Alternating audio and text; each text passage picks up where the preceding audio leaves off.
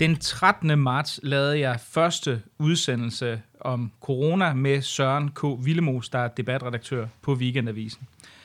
Dengang var vi lige gået ind i det, vi kalder lockdown eller nedlukningen af det danske samfund. Øhm, jeg var kun sådan perifært begyndt at, at interessere mig for, eller det er måske lidt, lidt meget sagt, men jeg havde, jeg havde ikke interesseret mig voldsomt meget for emnet inden da. Øh, men mig og Søren, vi havde en lang konversation på en podcast, der hedder Udestuen, og vi har senere lavet tre udsendelser her i Lukket Land, hvor vi har vendt emnet. Og i dag, der er Søren Villemos vendt tilbage til Lukket Land for at tage en, øh, en lang snak om alt det, der er sket siden øh, Danmark lukkede ned om aftenen den 11. marts. Og det skal siges, at det her bliver sådan lidt mere løst og håndholdt format, end hvad vi ellers er vant til. Vi har siddet og øh, fået noget grillmad, og også en enkelt øl måske sågar to søren. Øh, men øh, altså, det hører så ligesom til, at jeg laver nogle afsindig gode marinerede nakkoteletter, når jeg selv skal sige gode, det. Det er, ja, men jeg, jeg vil, vil også gerne rose mig selv for ja, det. Jeg, jeg vil i hvert fald gerne lige have det, have det med her i starten, at, at jeg er ikke et Du vil gerne have det med, at du simpelthen ikke er, ikke er fuldstændig ædru. Ja, jeg, altså, vi sidder jo på Vestammer i din udestue, og jeg har, jeg har jo kolonihave lige om hjørnet, hvor jeg har lavet havearbejde hele dagen, og som det er ude i kolonihaven, hvor, hvor jeg er, der, der man, man drikker et par øl undervejs, mens man ja. arbejder. Og nu er vi kommet herhen, og vi, du har lavet gode nakkekoteletter, og vi varmede også lige op med, var det ikke en flaske rosé? Jo, det var vist en, en lille flaske rosé. Så, øh, men altså, så, så med lytterne må, må tage det forbehold, at hvis, øh, hvis de ikke har lyst til semi-drunken øh, corona-podcast, så øh, vil jeg anbefale, at man går ind og måske tænder for Radio Loud eller et, et andet rigtig godt øh, Det er godt lidt roligt Radio ja, Loud-program. Men altså Søren, nu, når vi så sidder og kigger tilbage, altså der er jo sket, øh, det er jo en kliché, kan man roligt sige, men der er jo sket ufattelig meget på de her knap tre måneder, som der er gået siden, øh, siden vi første gang øh, så havde snakket om det her emne. Altså nu må man sige, nu, nu er det jo endelig kommet dertil, at, at øh, det er noget af det, og det kan vi jo sådan øh, måske klappe os selv på skulderen med, det var noget af det, vi faktisk problematiserede i allerede i et af de allerførste programmer, det her skisma, der er mellem myndighederne og, og politikerne, jamen altså, det er jo sådan eksploderet i, uh, i lys lue, ikke? Altså, man kan jo sige, at nu står det meget tydeligt for de fleste, at den vej myndighederne, sundhedsmyndighederne primært, altså Serum Instituttet og, og Sundhedsstyrelsen, den vej de vil gå, var i hvert fald en, en noget andet end den, som politikerne valgte at gå. Hvad øh, uh, med de, de berømte, helt åbne journalistiske spørgsmål? Hvad tænker du i dag? Noget, der er forandret, eller hvad? Jamen, det var bare sjovt, fordi du sad og nævnte, at øh, det første program, vi lavede, og øh, vi sad lige og kiggede på teksten om det, øh, omtalen du har skrevet, og, øh, og, og der taler vi jo netop allerede derom, hvordan at, øh, at, altså, at øh, det var mig, der, har, der sagde det på, på det, til, på, øh, i det program, at det ligesom var politikerne, vi skulle, vi skulle takke for, at det ikke er gået, altså det ikke ville gå værre, end det gjorde i Danmark, og ikke vores sundhedsmyndigheder, som derimod havde fejlet. Så altså for os her i, øh, i lukket land, skråstrej udestuen, der har det sådan ligesom været klar fra starten af, at alt det der med at lukke Danmark ned og sådan noget, det var jo ikke noget, som sundhedsmyndighederne havde på tegnebrættet. Det var en politisk beslutning, der kom ovenfra. Og det synes vi jo, eller det synes jeg i hvert fald, altså allerede den, øh, den 11. marts, øh, da, da, da, til det pressemøde, at det var, det, der, det var tydeligt, det der var på, på spil. Men det er så åbenbart, øh, altså til min overraskelse, i hvert fald øh, blevet det store emne den sidste uge, at, øh, at nedlukning ikke var noget, som Søren Brostrøm ligesom havde anbefalet. Og det, altså det, det, det synes jeg i hvert fald var klart fra starten af. Men det er så åbenbart ikke været klart for alle. Jeg synes i hvert fald, at Mette Frederiksen gjorde det meget tydeligt, at det var en politisk beslutning, som hun selv stod på mod for. Til, til det Men det var vel ikke så tydeligt, hvis vi skal være helt ærlige. Altså nu har vi jo snakket flere gange her i programmet om, hvordan at, at vi har siddet og, og forsøgt at udlægge, hvad der ja. kom fra, fra både fra myndigheder og fra politisk hold, og at det har været sådan en slags kriminologi, fordi ja. vi ligesom skulle få ja. sidde og tolke mellem linjerne på, hvad, ja. hvad er det egentlig, de mener i forskellige sammenhænge og så videre. Vi, vi, vi har så, for mange, så for mange, altså sådan for, i anførselstegn, det, det lyder, uden det skal lyde for arrogant, men sådan folk, der måske ikke ja. føler det lige så intenst og nørdet, som vi gør, så, kan det vel, så er det vel legitimt nok, at det kommer som en, en form for overraskelse til et eller andet sted, eller hvad? Ja, det er det faktisk. Altså, jeg, jeg tror måske også nogle gange her i øh, coronatiden, hvor vi har den her social distance, sidder hver for sig. Jeg har i hvert fald nok også været lidt i en coronaboble, ikke? Altså, tænkt, at folk havde indset ting, som for mig var tydeligt, fordi jeg interesserede mig meget for, at der gik enormt meget op i det, læste alt, hvad der var, prøvede at sætte mig ind i tingene, har måske set nogle øh, sammenhænge, som jeg måske har været meget utålmodig om, omkring, eller ting, at andre måske allerede havde indset, at det måske går for mig nu, at det måske ikke var så tydeligt øh, igen for alle. Altså, der er åbenbart folk, der havde hængt sig øh, i pressemødet i, at, øh, at Mette Frederiksen, hun havde sagt, at myndighederne havde anbefa- også havde været med til at anbefale nedlukning. Det, altså, det var bare ikke det indtryk, jeg fik. Også bare fordi, at når man så læste strategipapiret, der kom ud dagen før, som Sundhedsstyrelsen lavede øh, hvor, altså, hvor de udlagde de tre forskellige scenarier. Der var sådan tre faser. Den første fase var inddæmning, den næste det var afbødning, og så kan jeg ikke lige huske, hvad den tredje øh, Jeg tror, at der var fire faser. Der var sådan, der, de havde sådan en meget kompleks strategipapir, ja. Som jeg tror, alle har glemt i dag. Alle, der var men, sådan, men jeg læste meget nidkært dengang, Ja, ja, ja. Og, og, og, fordi at netop fredagen, altså sådan to dage efter øh, papiret kom ud, og dagen efter pressemødet, så gik vi nemlig fra en øh, afbødning til, eller fra en inddømning til en afbødningsstrategi, mm. som grundlæggende betød, at som det første, man kan sige, det første umiddelbare øhm, konsekvens af den strategiskifte var simpelthen, at vi testede mindre. Ikke? Og det gav mm. mening øh, på det tidspunkt, fordi at, øh, at, man, at, at vi havde så stigende smittekurver. Øh, altså, eller det, jeg, vil sige, jeg, jeg synes, det gav mening dengang, at vi testede mindre, fordi at vi havde lukket samfundet ned, og vi havde... Og, øh, og vi regnede med, at smitten var så udbredt nu, at vi vidste ikke, hvor den var. Så det der med at rende individuelle smittekæder ville ikke give nogen mening. Øh, men, men, øh, men, men, men, men, men det, som jeg tror kom bag på os alle, det var jo, at, øh, altså, at, den, at, den, at, den, altså, at smitten simpelthen sænkede sig så langt, øh, så hurtigt og så markant efter den her Mm. nedlukning. Men, øhm, men det sjove er så, at øh, vi, nu sad vi så og diskuterede det her øh, på den allerførste øh, program, vi lavede om det med, i udstuen, og hvor vi netop bebrejdede, hvor jeg bebrejdede sundhedsmyndighederne for at have fejlet, mens jeg synes, politikerne havde truffet den rigtige beslutning. Og nu er det så op igen, det her spørgsmål, altså hvem har anbefalet nedlukning?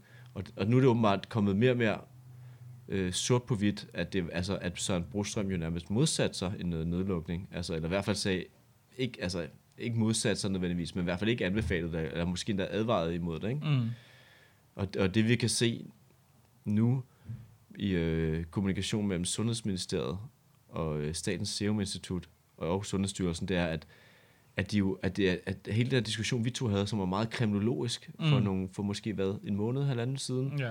hvor strategien, altså du plejede at stille det der spørgsmål, hvad er den danske strategi? Mm. Ikke? Og så skulle vi jo sidde og gætte Ja. på kriminologisk manier, hvad det måske foregår derinde. Ja, jeg stiller det jo et stadigvæk. Gør du det? det er- Okay. Ja, det, det vil jeg gøre. Jeg synes, det, det, er jo, det er jo stadigvæk ikke helt entydigt, men man kan sige, nu, nu er det jo ligesom kommet en... Ja, men nu bliver det mere og mere klart. Er det i hvert fald. nu bliver det i hvert fald mere og mere klart, at det der med den grønne kurve, det var noget, der kom nedfra, og ikke op, opfra. Altså det var simpelthen, det vi kan se nu, det er, at øh, Peter Ockels, mener han hedder, departementchefen i Sundhedsministeriet, øhm, skrev til Søren Brostrøm og Kåre Mølbak, for at, øh, be, altså, hvor at, jeg mener, at, at mailen hed fra virkeligheden. Mm. Altså, det var som overskriften på mailen, ikke? Altså, og hvor han bad dem om øh, altså at, at, at, at, at udøve, altså sådan hæve testniveauet, hvis det kunne lade sig gøre. Ikke? Det var i hvert fald det, han sagde var klart det, der var, som statsministeriet ønskede. Øh, ønskede.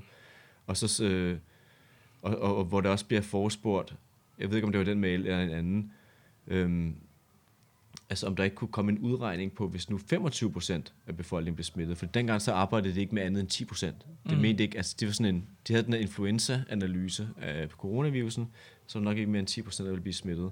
Men så har statsministeriet åbenbart været sådan noget meget bekymret for, hvad nu hvis der var 25 procent smittet, og så sparer Kåre Mølbak tilbage, at det ikke er så vigtigt, hvor mange der bliver smittet. Fordi det eneste, der rigtig er vigtigt at måle på, det er, hvor mange der bliver indlagt på sygehuset. Mm. Altså det er jo simpelthen, det er den grønne kurve-logikken. Kan du huske, at vi sad og Jo, talte jo, om det? jo, jo, jo.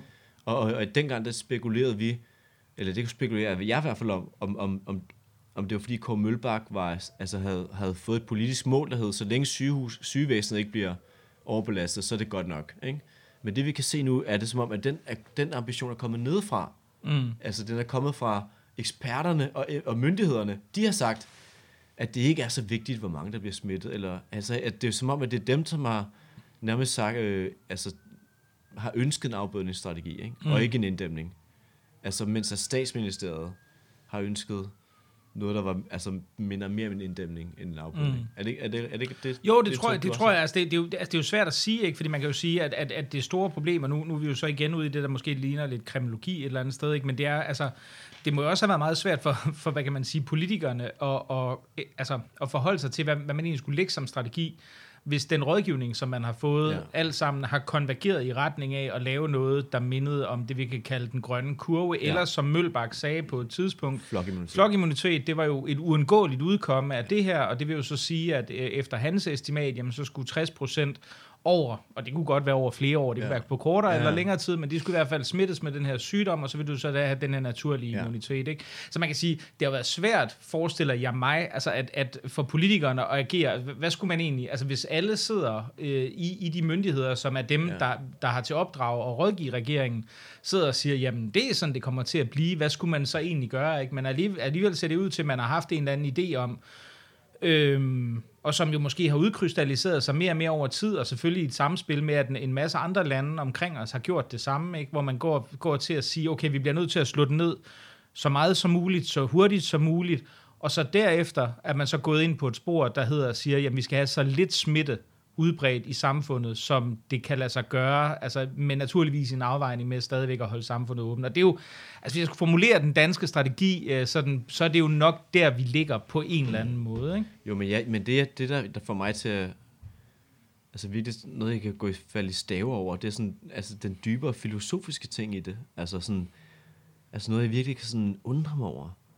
Fordi når du går tilbage til det omkring marts og, du, og, og februar, og du ser på, hvad alle vores eksperter og myndigheder, øh, epidemiologer, forskere, professorer siger, så er det som om, de alle sammen siger mere eller mindre det samme. Og det er, at det her det er ikke meget værre end en influenza, måske en hård influenza-pandemi, og, øh, og, at, altså, og, at, og der er nok ikke så meget, man kan gøre ved det, og, og, og i øvrigt skal vi ikke være så bekymrede i Danmark, og hvis vi bare lige vasker lidt hænder. Og sådan. Altså, der er sådan en, Mm. der er sådan virkelig sådan en laissez-faire-agtig...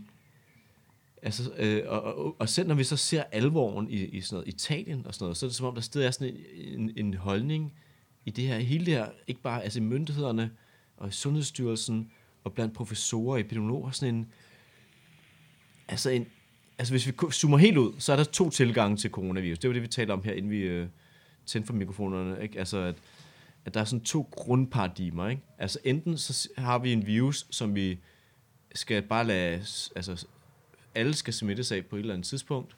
I hvert fald en vis 60%, ikke? Ja, min, minimum 60 procent over en vis periode. Eller også har en virus, som så få som muligt skal smitte sig af, ikke? Og den skal vi hel- helst holde nede. Altså, det, er sådan, Mm. helt, det, det er det kogt helt ned til de to positioner.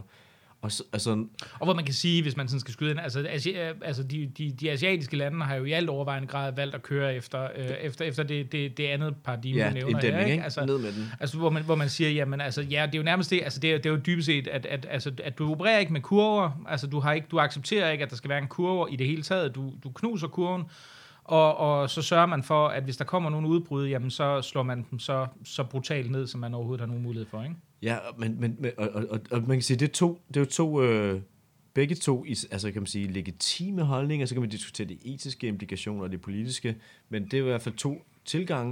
Det jeg synes bare, det er enormt fascinerende, hvordan i Danmark, så nærmest alle eksperter tilhører den ene. Mm. Altså den der med, at der var ikke noget at gøre ved det. Altså, Mm. den, kan, den kan man alligevel ikke bremse. Vi skal lære at leve med virusen, den grønne kurve, og så videre, ikke? Og det synes jeg bare alligevel er, altså, fordi når du kigger internationalt, så er det tydeligt, at der er to skoler, ikke? Altså i, i, i Storbritannien, så kan man se, at, at myndighederne, de statslige, altså ansatte myndigheder, de rådgav jo Boris Johnson om den grønne kurve. Altså den der idé om, altså flokimmunitet, det var ugåeligt, vi skal leve med virusen, der er ikke noget at gøre. Mm. Men så da, da de så sætter et uafhængigt forskerhold, som ikke, egentlig ikke har nogen, øh, hvad kan man sige, øh, Og myndigheds, ja. myndighedskompetence til at analysere, så når de jo det diametralt modsatte konklusion, ikke? Og, og, og så skifter Boris Johnson jo så mening, ikke? Og det var jo så tydeligvis det rigtige at gøre, fordi han ventede endnu mere, så havde det gået endnu værre i Storbritannien. Men det, altså det, og, og du ser også det samme i Holland, hvor de også ændrer strategi på et tidspunkt. Du ser det faktisk også i Norge, det har man ikke talt så meget om, men øh, de norske myndigheder var også meget på det hold med, at der er ikke noget at gøre, indtil at øh, fra politisk hold bliver der sat ind og lavet en nedlukning. Mm. Øh, og, så det eneste land, hvor, hvor myndighederne så på en eller anden måde har sluppet afsted med at øh, overbevise politikerne om, at det var der ikke, der var, altså det var sådan, det skulle være, det var så i Sverige. Ikke? Alle andre steder, så har politikerne på et eller andet tidspunkt trådt i karakter. Og så er det bare, jeg kommer til at tænke, hvorfor tænker myndighederne på den her måde? Hvor, og hvorfor, hvorfor har vi i Danmark ikke sådan nogle uafhængige forskere, som tænkte radikalt anderledes? Altså er det fordi Danmark er et lille land, som har en tendens til, at alle ligesom samles om den samme statslige konsensus øh, pulje, hvorfra sådan, midlerne kommer, for eksempel Sundhedsstyrelsen, og så derfor retter sig ind efter det syn, der er der.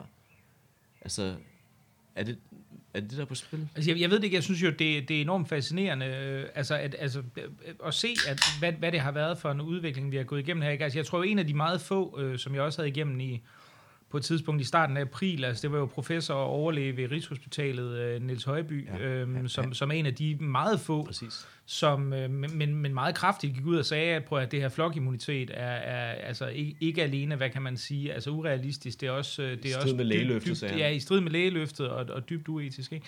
Øhm, og, og altså, man kan jo sige, du har jo selv, du lavede jo det her interview med, med, med, med hvad kan man sige, altså den, den tidligere øh, udgave af Sydkorea, Søren Brostrøm, øh, pandemigeneralen hedder det. Jeg vil sige, han er mere en K. Mølbak, ikke? Altså, han er mere en, Okay, han er, ja, men, men stadigvæk, som jo også går ud og siger, jamen selvfølgelig kan du ikke, altså kan du ikke lade en, en så alvorlig sygdom løbe igennem 60% af befolkningen. Det er jo fuldstændig urealistisk, ikke? ja.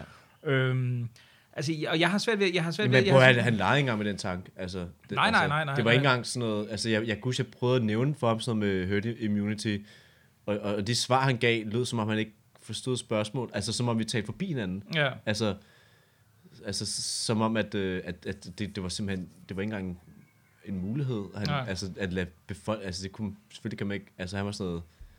Du skal da beskytte befolkningen mod en sygdom, der kan slå den ihjel. Altså, altså Ja. det kan slå de ældre ihjel. Altså, de skal ikke have den. Altså, ja, ja. det var slet ikke... Øh... Nej, altså, jeg, jeg, ved, jeg ved heller ikke, altså, jeg ved det ikke, altså, jeg, jeg tror heller ikke, at det, det er ikke sådan for at være, altså, det, men, men, Men vi altså, der har været nogle paradigmer inden for, hvilket som, Ja. som det her har givet mening på en eller anden måde. Ikke? Jamen, og vi Øhm, taler om det før jo. Altså, hvorfor det er, at...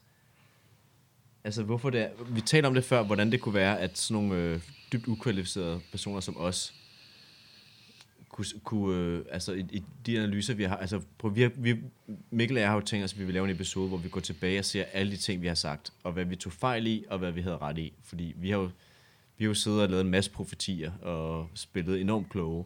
Og der er nogle ting, vi har haft ret i, og nogle ting har vi ikke haft ret i.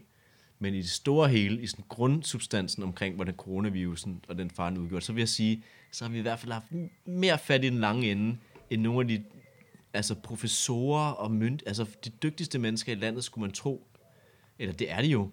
Så hvordan kan det være, at sådan to ukvalificerede idioter som os, kan det, når, de, når, når så velkvalificerede mennesker, sådan helt et felt af højt, højt uddannede mennesker, der har beskæftiget sig med det her i hele deres liv, kan tage fejl. Hvordan kan det lade sig gøre? Og så var det, at vi talte om, at, øhm, at det måske skyldes netop det der med, at for os er det jo ikke hverdag. Altså vi beskæftiger os jo ikke med altså, vira til hverdag. Vi har jo ikke tænkt, har, har du nogensinde tænkt sådan seriøst over konsekvenserne af en global pandemi? Altså, Nej, overhovedet før? ikke. Overhovedet Nej, ikke. Altså, jeg heller jeg, ikke. jeg, jeg, synes jo oprigtigt, og det tror jeg, jeg har sagt flere gange Min- også på den her podcast, at jeg bare, altså da jeg begyndte at så, altså jeg kan huske, da jeg så min, min, min gode kollega tilbage fra Radio 24 Asger Juhl, han lavede den her Den Uafhængige Corona-podcast, så var jeg sådan, hvad, altså hvad, hvad er han gang i? Altså Ja, det er præcis. super, super underligt, at en eller anden, altså der kommer altid en eller anden sygdom ud fra, fra, fra, fra Asien ja. På et eller andet tidspunkt, øh, hvor, hvor det, altså, det, det hedder noget med fire bogstaver, eller eller andet, og så, og så, så, så siger folk, at den er farlig, men ja. så finder de ud af, at det er sikkert skyldes et eller andet madmarked, og så får man, så får man ligesom lukket den ned, og så sker der ikke videre. Altså jeg er sikker, altså hovedparten af starten af marts, når jeg sidder og kigger tilbage på, hvad jeg har skrevet, altså jeg, jeg, jeg, jeg har virkelig ikke skrevet om corona. Altså, Jeg har en facebook op til, vi skal evaluere. Ja, ja, der er en Facebook. Men det tager vi. Det tager den, vi. Den, ja, den, den tror jeg kommer helt af sig selv. Det kommer har, om den et par uger, den når vi laver vores Den evaluering. har, jeg har jo teaset lidt for, at, øh, at, på et, den. at på et tidspunkt, når, øh, på et tidspunkt, når vi skal se, uh, se tilbage på, uh, nu, så jeg, nu lavede jeg en længere opdatering her forleden dag, hvor jeg kiggede på alle de fejl, som øh, myndighederne havde begået. Og der vil jeg sige, der var en, uh, der var en tidlig Facebook-opdatering. Den kigger vi på, Mikkel. Der er blandt andet involveret. Altså, jeg vil bare... Lidt, lidt hyldest til Søren Brostrøm, og den involverer også en nedvurdering af, jeg tror, det kaldes øh, hvad, hvad, hobby, Hobby, epi, Hobby- virolister, virologer. hobbybiologer, som jeg ser ned på. Det, øh, og den har ikke, that didn't Den er ikke ældet godt. Den er ikke ældet godt. Det tror jeg roligt, vi kan sige. Det er, det er absolut øh, en af dem, der skal fremhæves. Det synes jeg klart. Altså, jeg vil sige, min, min øh, nærmeste sådan, øh, hvad kan man sige, referencepunkt, da det hele startede, det var filmen Outbreak, som jeg sådan lige måtte se igen. Den der film med Dustin Hoffman øh, fra 1994. mm.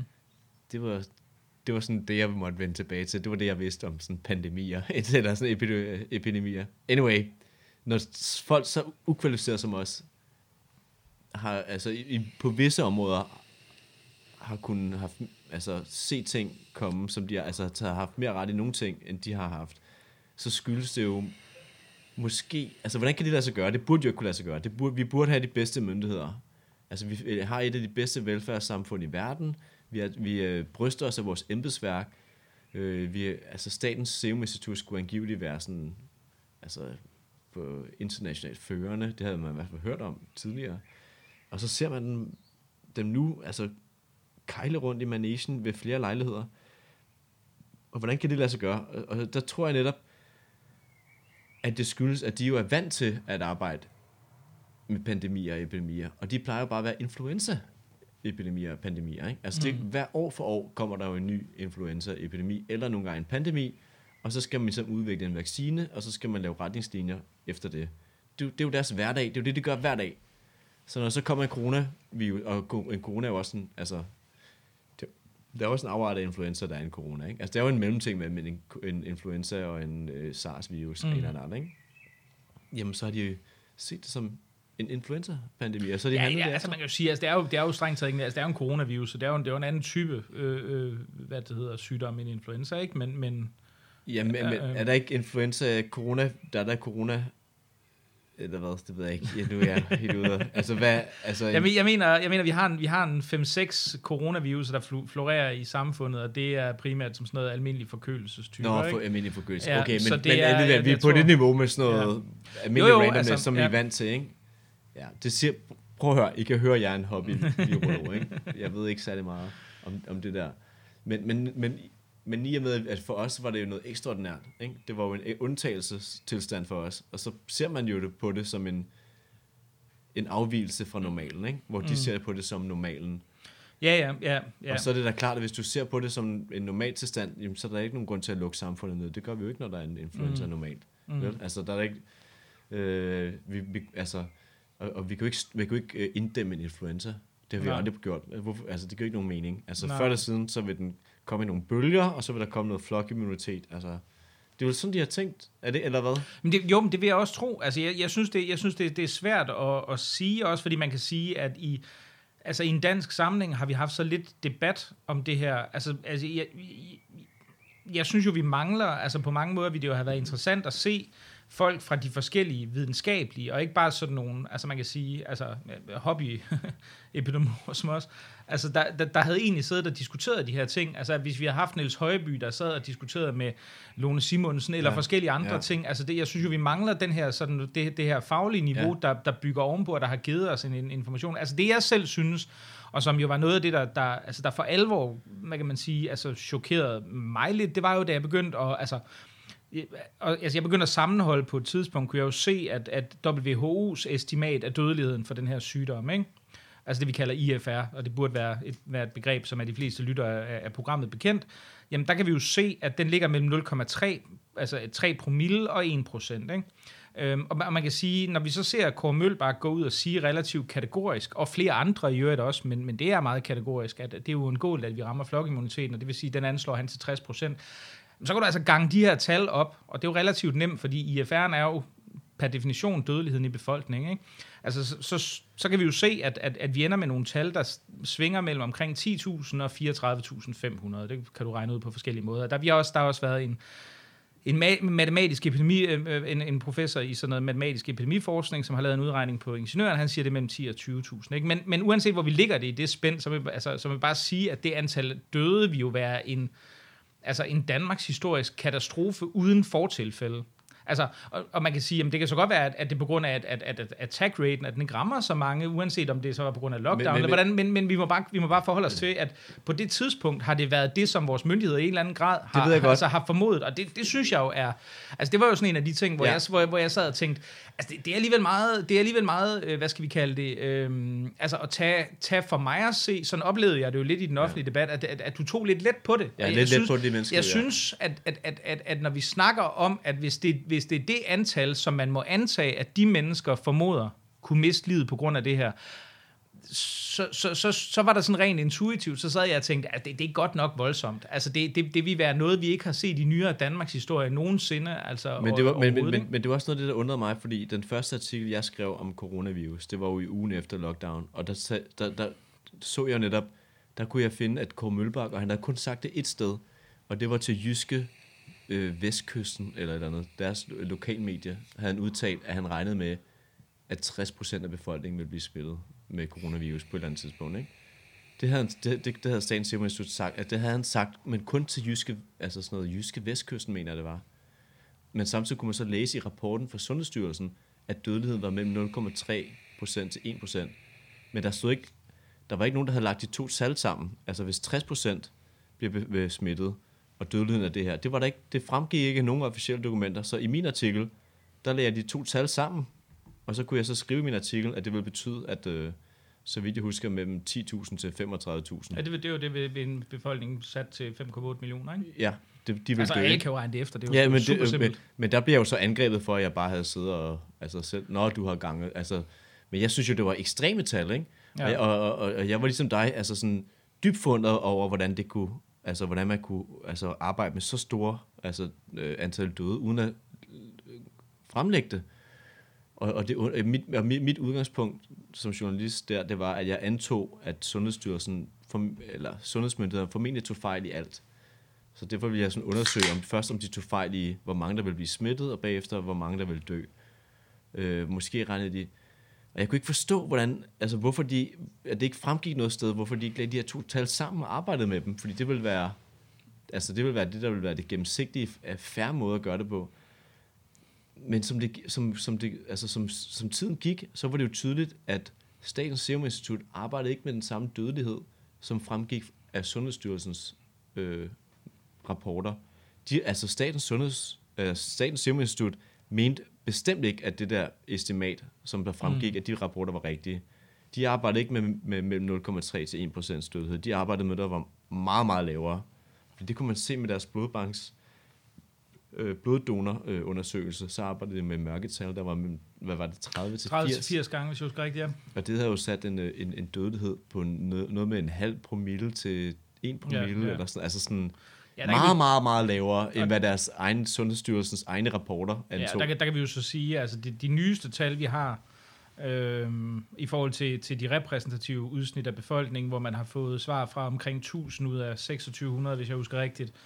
Øhm, hvilket vil også vil være repræsentativt, hvis man lavede en meningsmåling, for det er heller ikke alle, der svarer Gallup. Men det, ved- det ved jeg ikke. Der, er- der er en lang række diskussioner om det, men der ligger, altså, der ligger det, vi kan kalde en sådan en vel, hvad crude IFR, altså sådan en groft beregnet øh, hvad det hedder, infection fatality rate, den ligger omkring 0,8. Jeg vil tro, den er lavere i virkeligheden i Danmark, den er et eller andet sted over, men over 0,5 vil den jo sandsynligvis være. Men jeg, jeg mener, vi talte også om det, øh, før vi begyndte at optage, men det var, at, øh, at øh, hvad var det, det nyeste sådan meta studieudregninger, med, hvor man korrigerer for demografiske forskelle, gav en eller anden gennemsnit ja, IFR ja, på 0,75. Ja, ja, nej, det? ja, det er fra Spanien. Uh, altså, jeg, jeg tror, der er nogen, Spanien? der har lavet et meget detaljeret alderskorrigeret øh, studie. Det er ham, den danskeren, øh, som jeg ikke kan huske, hvad hedder, der har, der har blandet sig i debatten, men som arbejder ved et, et genlaboratorium i USA. Jeg kan ikke huske, Jakob hedder han muligvis. Han har, han har blandt andet postet nogle ting om det.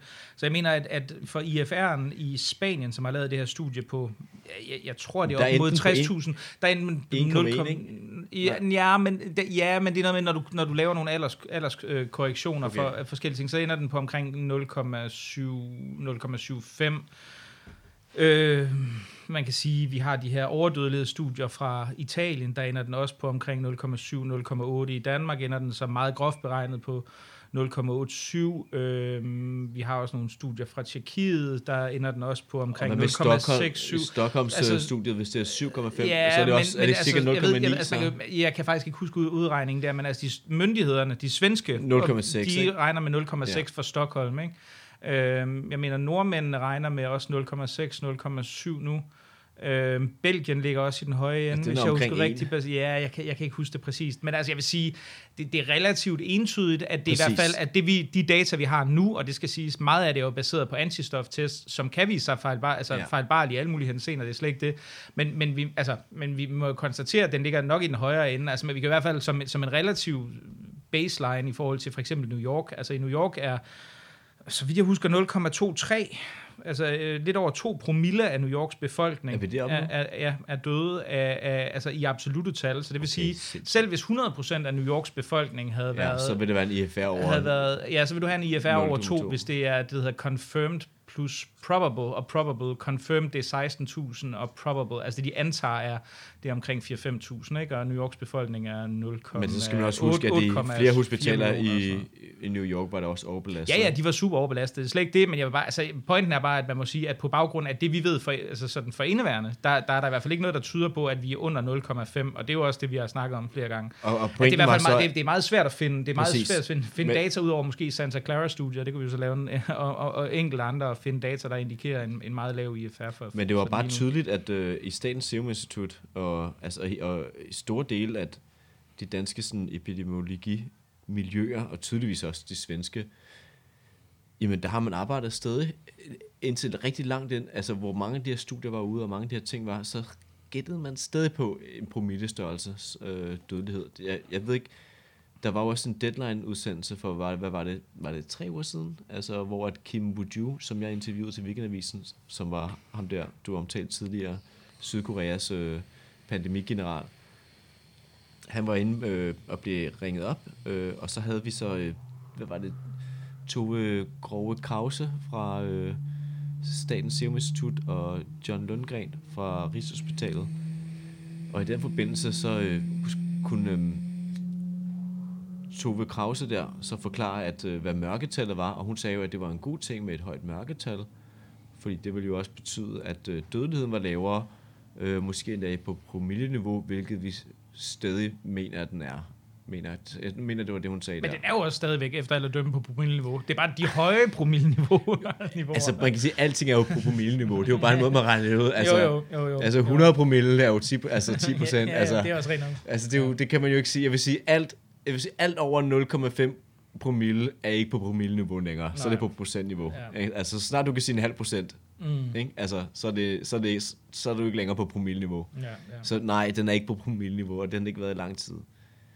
Nej, der kan man jo så sige, ikke, hvis, hvis vi så ser en, altså man, og, og, og det er noget af det interessante er jo også, at det er de allerførste, sådan, og, det, og nu kan jeg ikke huske præcis, hvornår det kommer, men det er jo relativt tydeligt, der, der kommer der jo et, et, et peer-reviewed studie øh, i The Lancet i øvrigt, som, øh, som, som kigger meget grundigt på, og det er jo et af de få peer-reviewed Ja. studier, fordi det, det meste af, hvad vi sidder og forholder os til, det er jo det, vi, det, vi kalder preprints lige nu, ikke? Som, som ikke er altså som ikke er peer-reviewed, men, men som er udgivelser på, altså, af, altså den midlertidige papers, som ikke er blevet fagfældebedømt. Men der ligger de jo i IFR'en på 0,66, ikke? Øh, altså 0,66, og det er jo, altså den, hvis man skal være helt ærlig, at jeg har, også- der, der er nogen, der laver større metastudier af forskellige øh, IFR-analyser, de ender også på omkring 0,6-0,7, ikke? Altså, så det, det, man må sige, man, burde, man kunne godt have vidst bedre tidligere, og det er jo ikke for at være bagklog, men, det, men vi har jo snakket om det her mange gange. Altså, det er jo ikke, det er jo ikke fordi, altså, igen med det forbehold, at det kan vise sig, at der er en eller anden ubekendt i for eksempel antistofstudierne, som viser sig at være super, øh, super, super øh,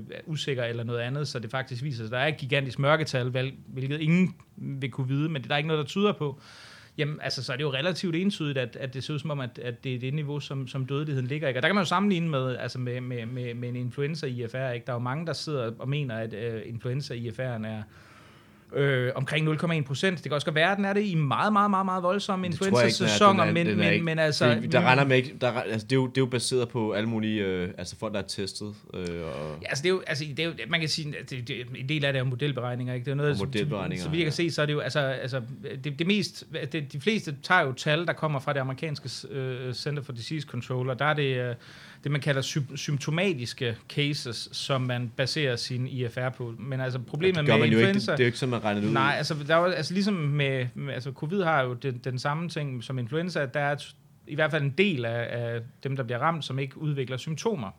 Og der er så selvfølgelig en lang diskussion, som jeg også tror, vi har været inde på tidligere, hvor, mange der er præsymptomatiske, og hvor mange, der er asymptomatiske, men at det er tilfælde, det er jo sådan relativt entydigt. Og, altså Lone Simonsen, som alle jo kender, øh, er jo blevet, altså har jo selv estimeret, at den reelle IFR for, for, øh, for influenza, en typisk influenza, vil være omkring 0,04, ikke? Så ja. Det vil sige, det er omkring en halv promille, ikke? Så hvis, hvis vi siger, at vi har en IFR for, for covid, der ligger på 0, 7-5.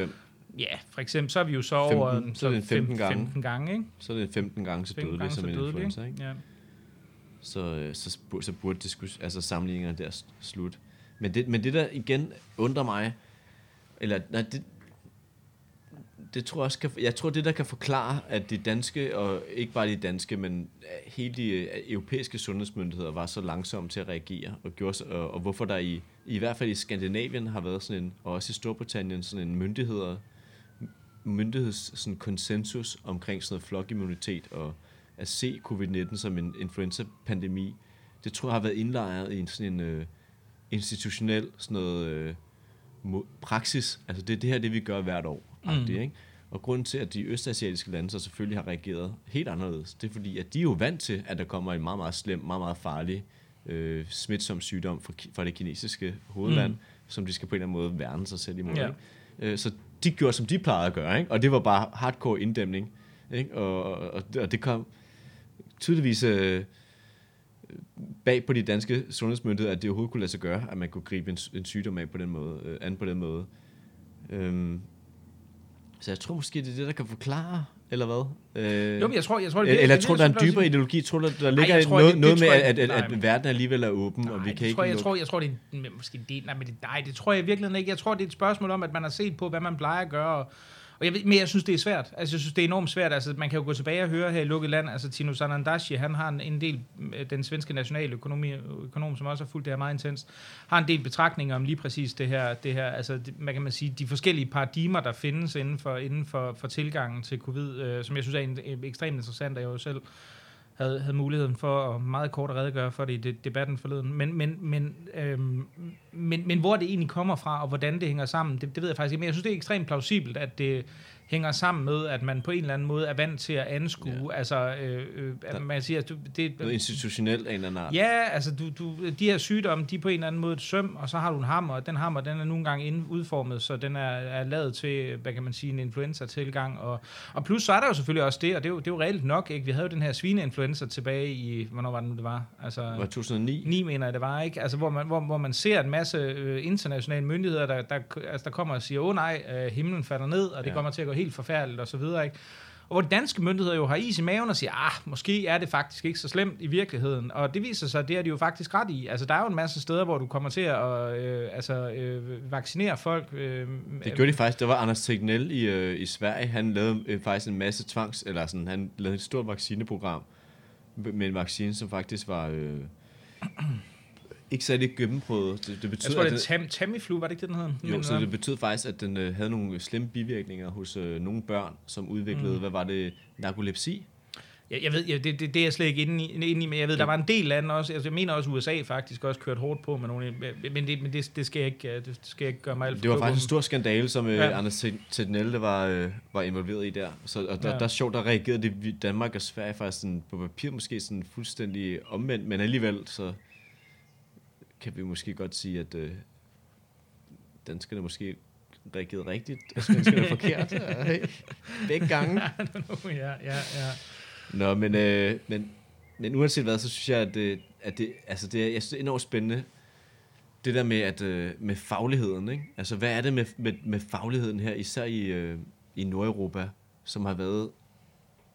Altså, ja, altså, det, der undrer mig, det er, at fagligheden har jo været helt klart har været misvisende, og de har taget fejl. Ikke? Det, synes jeg er en kendt skærning, at det har de gjort. De har misforstået coronavirusen, og, og dens betydning, og dens trussel, og hvordan den fungerede, og hvordan vi burde reagere. Øh, og, men alligevel så er det som om, der er den der holdning til, at, at, at jeg synes i hvert fald, der er sådan en slags naiv holdning. Måske er det journaliststanden primært, den eksisterer, med at, øh, at sundhed er ikke noget, du kan diskutere. Altså, hvis der er en faglig øh, mening om den, så er det den, man ligesom skal følge, og det er den, den rigtige, det, det er sådan den videnskabelige, mm, korrekte. Ja, og så er der så den politiske, som så må være baseret på enten noget populistisk, eller noget mavefornemmelsesagtigt. Mm. Ikke? Altså som om, at vi står over for noget fagligt, og noget, det vil sige noget ægte, noget sandt, noget rigtigt, og så over for noget politisk, som er styret af, I don't know, genvalg, ja, ja. Øh, hensyn til egen øh, magt øh, og alle mulige andre ting. Ikke?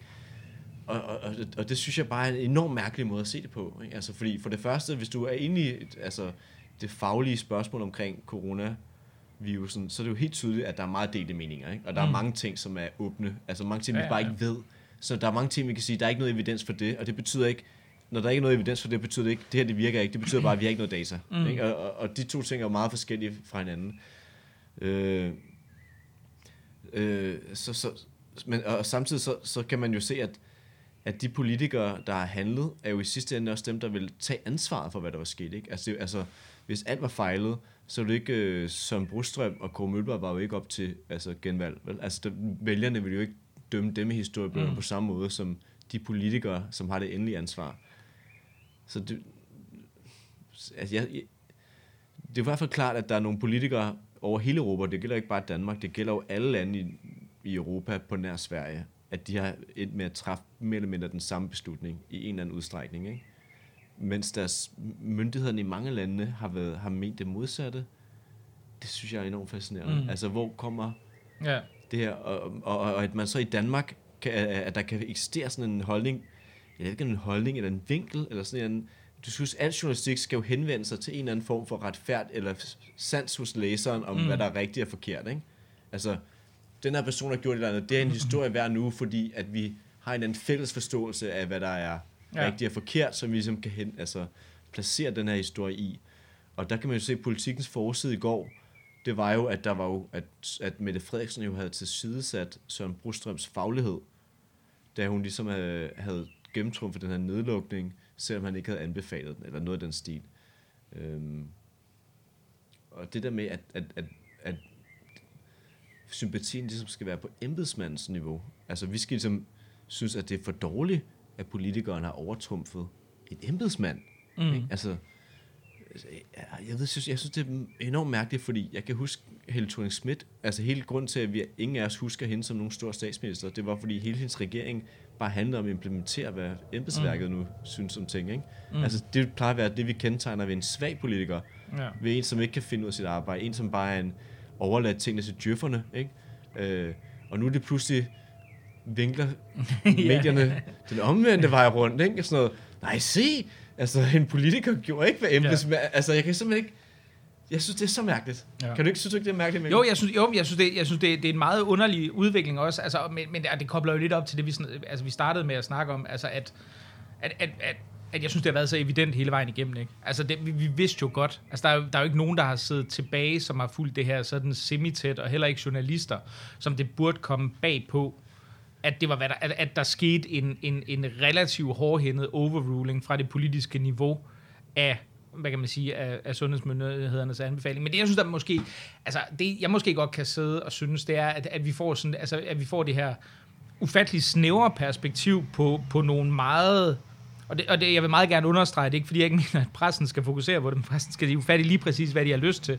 Men jeg synes, der, der bliver sådan en, en, en meget selektiv, sådan, jeg vil ikke kalde det perspektivforskydning, men i hvert fald fokusering på nogle meget små emner. Ikke? Vi har haft nogle diskussioner i, i, øh, i EB og, og, og Berlinske, der handler om sådan noget med, at nogle er-værdier ja, øh, tilbage i starten af, hvad det hedder, øh, altså op til nedlukningen, hvor væsentligt de skulle være. Altså, hvor man sådan sidder, vi har jo fulgt det her ret tæt, ikke? Og, og man siger, for det første bliver de her er-værdier først udregnet lang tid efter nedlukningen. Så de må, må, må, må lige bryde ind og, give kontekst? ja, ja, ja. ja, fordi det var Ekstrabladet havde en historie med overskriften, at regeringen tilbageholdt positive coronatal, ikke? Positive coronatal. Altså, øh, inden de fortsatte nedlukning, ikke? Altså, vi taler om, at den første nedlukning, den var to uger, ikke? Og ja, ja. alle vidste jo, eller det vidste alle ja, måske det, det, er faktisk, det er faktisk historie nummer to. Den første historie, den kørte Berlinske med. Det var sådan ja. noget med, at, historie, at, at er-værdien i virkeligheden, og, og for det første skal det siges, er-værdien er næsten umulig at udregne på det her det er tidspunkt. teoretisk. Fordi, fordi du dybest set har så små udsving i, ja. altså er-værdien bliver bare, øh, øh, udregnet retrospektivt på baggrund af indlæggelsestal, så det vil sige, den viser i virkeligheden ikke, ikke en given smitte på det tidspunkt, som du, hvad kan man sige, hvor du, altså, hvor du ser R-værdien, hvor du ser indlæggelsestal, den, den, viser, den viser. En, cirka to uger, 10-14 dage, mener sundhedsmyndighederne selv. Ikke? Men, men derudover så bliver, bliver R-værdien faktisk først udregnet i Danmark omkring den 20. 21. og så videre. Ikke? Men, men der, der, der har man så nogle historier, der handler om, at at R-værdien lige op til nedlukningen var lavere, end hvad man havde formodet, og sådan noget. Det er, ikke, det er ikke fordi, igen, jeg synes, endelig kig på det, det, det er fint nok, men, men det er bare, det er, en, det er en historie, der har en ufattelig perifær betydning, fordi på det her tidspunkt har du ikke haft en R-værdi at forholde dig til. Altså, da man har taget beslutningen, har du ikke haft en R-værdi overhovedet. Nej, men... Altså, der har du siddet og kigget på, øh, hvad det positiv test, og du har siddet og kigget på, hvordan de daglige indlæggelsestal så ud, og de så rigtig, rigtig, rigtig, Rigtig slemme ud. rigtig De slemme ud på det her tidspunkt. Og, ja, og det, og, det, og det gør de jo faktisk indtil, indtil hen, øh, hen mod slutningen, af, marts. slutningen af marts nærmest. Ikke? Altså, så, så, så, så der sidder jeg sådan og tænker, at, at, øh, at det, det er meget pudsigt, at man vælger lige præcis den vinkel til de store dommedagstyper, fordi det dybest set har været en, for det første en, en beregning, der først bliver lavet senere nedlukningen, for det andet ikke har haft nogen indflydelse på den, og, for, altså, øh, og, og i øvrigt også, og det er jo så den anden historie. Men så er der ekstra historien, fordi den er Ja, ja, næsten endnu mere skør, fordi der stod netop det der i overskriften med, at regeringen havde tilbageholdt positiv coronatal. Jo, jo, men der vil, der vil EB jo så forsvare sig med øh, at sige, at 2,1 er bedre end 2,6, ikke? Ja, men prøv nu at høre her. Altså, vi taler om, at det ene tal, det havde en R-værdi på 2,6. Ja. Ja. Det betyder, at efter to uger, så vil øh, 10 personer have smittet 26 personer. Ikke? Og, og det vil så sige, at, øh, at den var så faldet til, at de kun havde smittet 21 personer. Øh, og, og jeg vil bare sige sådan, at, øh, at det er faktisk... Altså, det, det, det kalder øh, ekstrabladet så positiv coronatal, ikke? Jeg vil kalde dem, altså fuldstændig katastrofalt frygtelige coronatal. Altså det vil Ja. at hvis du har en vis mængde smittet i dit Jamen, samfund, du kalde dem moderat mindre forfærdelige. ja, okay, det kan godt være, Ja. at de er moderat mindre forfærdelige, end de var her ugen Ja, før, ja. men de er virkelig frygtelige tal, Ja, ikke? Det vil ja. sige, at efter to uger, så vil du have fordoblet din antal smittet, ikke? Og så har du en eksponentiel vækstkurve, som Mm. Ja. i løbet af relativt kort tid betyder, at, øh, at, at alting brænder sammen på en meget, meget forfærdelig måde med, med de gaderne og sådan noget. Mm. Men uanset hvad, så Sofie Løde fra Venstre, hun retweetede så den her ekstrabladet artikel øh, med, med de positive coronatal, som der stod, og sagde, at øh, nu havde myndighederne tilbageholdt det, at, at, undskyld, regeringen havde tilbageholdt det, og, og, og det viste, at de manipulerede med danskerne. Og lad os lige huske, at Sofie Løde, hun har været sundhedsminister under Løkke, Mikkel. Altså det, det her det er sådan noget, der får mig til simpelthen... Øh, altså, øh, jeg synes, det er ubegribeligt, at det kan lade sig gøre, at, at vi kan have en tidligere sundhedsminister, som simpelthen... Altså, er det fordi, hun efter tre måneder inde i coronakrisen stadig ikke har forstået, hvad en R-værdi er? Er det det, der er på spil? Fordi øh, så, så betyder det, at hun ikke kan, altså, at hun, altså hun grundlæggende aldrig skulle have beskæftiget sig med sundhedspolitik, fordi at vi kan sætte os ind i det her relativt simpelt. Vi har aldrig beskæftiget os med sundhedspolitik før, og vi kan se, at det her det vil have en frygtelig folkesundhedsmæssige konsekvenser, ikke? Eller er det bare, fordi hun er ligeglad og, og bare vil gå efter et eller andet hos regeringen? I så fald burde hun så hovedbeskæftige beskæftige sig med sundhedspolitik. Altså, altså, jeg kan ikke simpelthen ikke vende og dreje det her andet, end at, at, at jeg bliver simpelthen... Altså, det... Jeg tænker, at det i sidste ende, så må, kan det kun tyde på én ting, og det er, at det borgerlige Danmark, det borgerlige politikere, oppositionen lige nu, har det ikke let. Og hvis det er det her, de griber ud efter, de her halmstrå, så er vi på det yderste af klippen, lad os sige det sådan.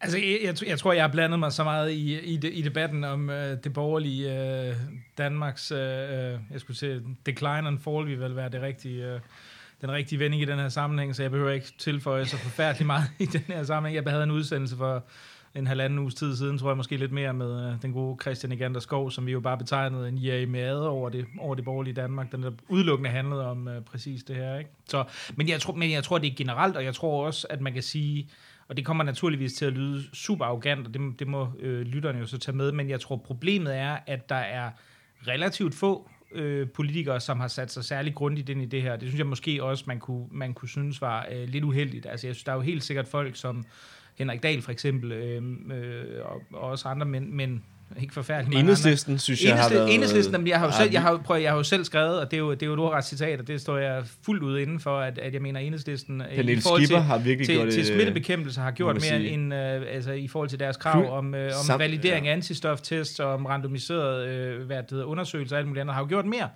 øh, for at, at have en ansvarlig Man kan i tilgang hvert fald til sige, at de i sted- det borgerlige Danmark har. Sådan Man kan det. sige, at i stedet for bare blot at sådan varetage interessegrupper, Ja. altså i det her kapløb om, hvem der kunne åbne hurtigst mest, altså der har enhedslisten jo faktisk ikke været sådan noget med, det første vi skal åbne lige nu, det er alle børnehaverne ja, ja, så pædagogerne, Ja. altså der har de Altså, faktisk... det tror jeg nu også lidt, de har. Men Det jeg har de, men det synes skulle jeg, være- Men jeg har det også lidt... Men, men det, Det skal de have lov på sin til. måde synes jeg egentlig også, det er okay. Fordi jeg trods alt... Altså for Fordi mig har vi- det argumentet jo hele tiden været, at du skulle sørge for at stå på de her to ben. Altså, jeg har aldrig nogensinde ment, jeg tror, jeg var en af de allerførste, der begyndte at skrive om, hvordan en ansvarlig øh, genåbning kunne foregå. Jeg skrev en klum, jeg mener, den 28. marts, ikke?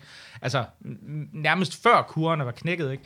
Altså, sidder jeg begynder at kigge på, hvordan kan vi genåbne det her ansvarligt, ikke? Og der er pointen jo netop, at du skal blive nødt til at gå på de her to ben. Altså, du kan sige, hvis du kan genåbne, men forudsætningen for at genåbne ansvarligt er, at du ligesom sørger for at gennemføre nogle smittereducerende tiltag. Det kan være kontaktsporing, det kan være masker, det kan være test, det kan være alle mulige andre ting, ikke? Øh, individuelle karantæner videre. Ikke? Øh, og, og, og, der kan man sige, at der synes jeg jo egentlig i enhedslisten, og det, det kan jo godt være, at de andre prioriteringer i forhold til genåbningen, hvad jeg har, men der synes jeg trods alt, at de har formået faktisk at, at, at, at stå på begge ben i den her Præcis, debat altså, og sige, jamen okay, det kan godt være, at vi, vi synes, at det, ja. det er det her, der skal genåbnes, men vi har faktisk også nogle konkrete, specifikke og anvendelige tiltag. Og der synes jeg jo, at det borgerlige Danmark har været, altså når, når du endelig ser noget, der kommer fra det borgerlige Danmark, så er det jo altid sådan en eller anden random eftertanke, som egentlig mest handler om på en eller anden måde, øh, altså at sige, jamen, det var da også for dårligt, at vi ikke fik testet så mange på det her tidspunkt, og det har det sikkert også været, det er jo ikke, fordi jeg anfægter det, altså der er jo begået rigelig fejl, fra både myndighedernes og regeringens side i den her, altså den her sammenhæng. Altså der, der er jo ikke, altså det, jeg mener, der er jo rigeligt, og i sidste ende kan man jo også sige, at sundhedsmyndighedernes fejl er jo i sidste ende også regeringens fejl. Det er jo kind of how it works. Så det er ikke fordi regeringen er sådan går scot free gennem noget af det her, heller ikke i min optik overhovedet. Men jeg synes bare, at, at det har været ekstremt forstemmende at se de borgerlige øh, øh, tilgang til det her. Det, det må jeg da nok sige.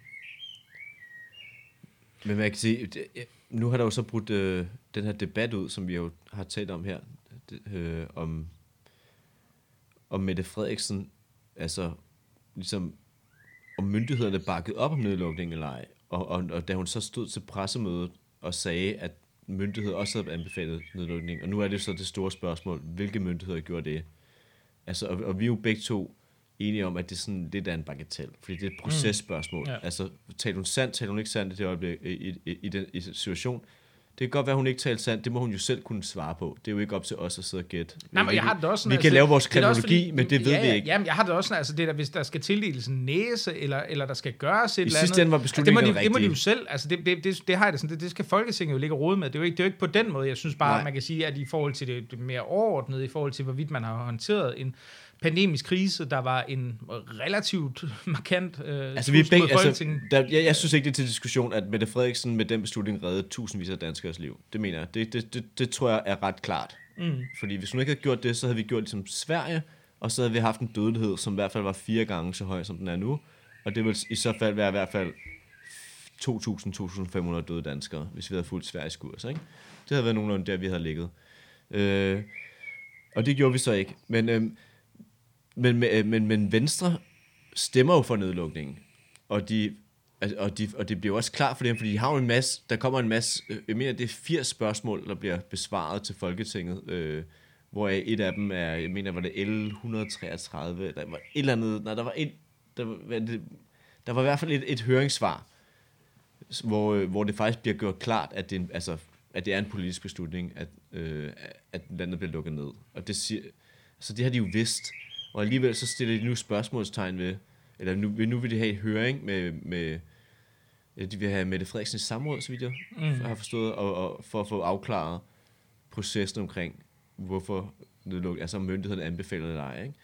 Og, og det synes jeg jo er, som journalist egentlig er, er fedt kommer, fordi det her det er noget one for the history books, ikke? så kan vi sådan skrive ned, hvad var det, altså det kan være, der bliver noget klarhed over processen, og det vil jeg egentlig gerne have, bliver gjort klart, fordi jeg mener, at historiebøgerne kommer til at ret entydigt sige, at det var Mette Frederiksen, der træffede en rigtig beslutning, og myndighederne, der havde, ville have ført os ud af en frygtelig vej. Men når Venstre vælger at stå ned på sådan et processpørgsmål, ikke? altså har de tænkt over, hvad de egentlig laver? Fordi ville de have handlet anderledes, hvis de havde vidst noget andet på det tidspunkt? Altså hvis de havde vidst præcis, altså udover at jeg mener, at de faktisk vidste, at de havde fået det information øh, som de beder om nu. Det burde, den havde de faktisk allerede fået på det. Jeg kan godt være, at de ikke havde læst den. Men havde de handlet anderledes? Havde de været imod nedlukningen?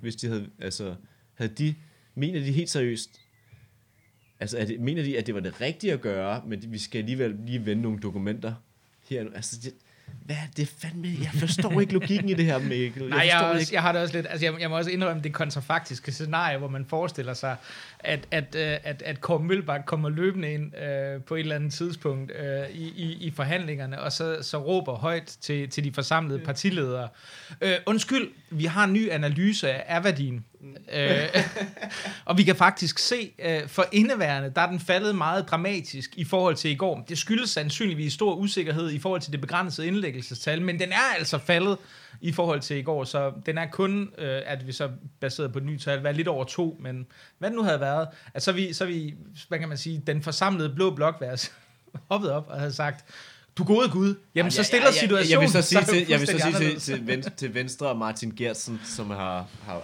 bedt om, øhm, om det her og øh, bede om de her svar. Jeg tror ikke lige, det var det der spørgsmål, han ville bede om Okay, svar på, nok. Mikkel, til hans, Fair til hans forsvar. Jeg tror, det havde noget at gøre med, at, at, at Søren Brostrøm jo havde, det kom jo ud, det der med, at han havde øh, nærmest talt imod nedlukning. Nå ja, ja, det er rigtigt. Ja, det, det, ja, det, det ser jo sådan ud. Altså, men jeg ved det heller ikke. Altså, jeg, jeg må også indrømme, en af de ting, som jeg synes er lidt uklar, hvis jeg skal være helt ærlig, det er, at jeg tror måske, myndighederne har ændret lidt holdning efterfølgende. Altså Jamen, jeg vil prøve- nogen. Men, men nu er vi jo igen ude i sådan noget kremologi, Okay, nu- så det synes men jeg er svært. Ikke? nu Fordi hvad er fortsætter de- vi hvad de- kremologien. Hvad har de, hvad har de fået besked på at mene, og hvad mener de reelt og sådan noget. Men jeg tror, der er jeg, sy- jeg synes, der er tegn på, at man, man sandsynligvis har, har kunne se, at det at gå den svenske vej var måske ikke det mest optimale. Men altså, jeg, jeg vil da glæde mig til at læse Brostrøms bud, memoir. mit, bud, mit bud på, hvad der er sket, det er, at der har været, inden man traf, altså, da man traf beslutningen om nedlukning, så har det været statsministeriet, der har overrulet sundhedsmyndighederne. Ikke?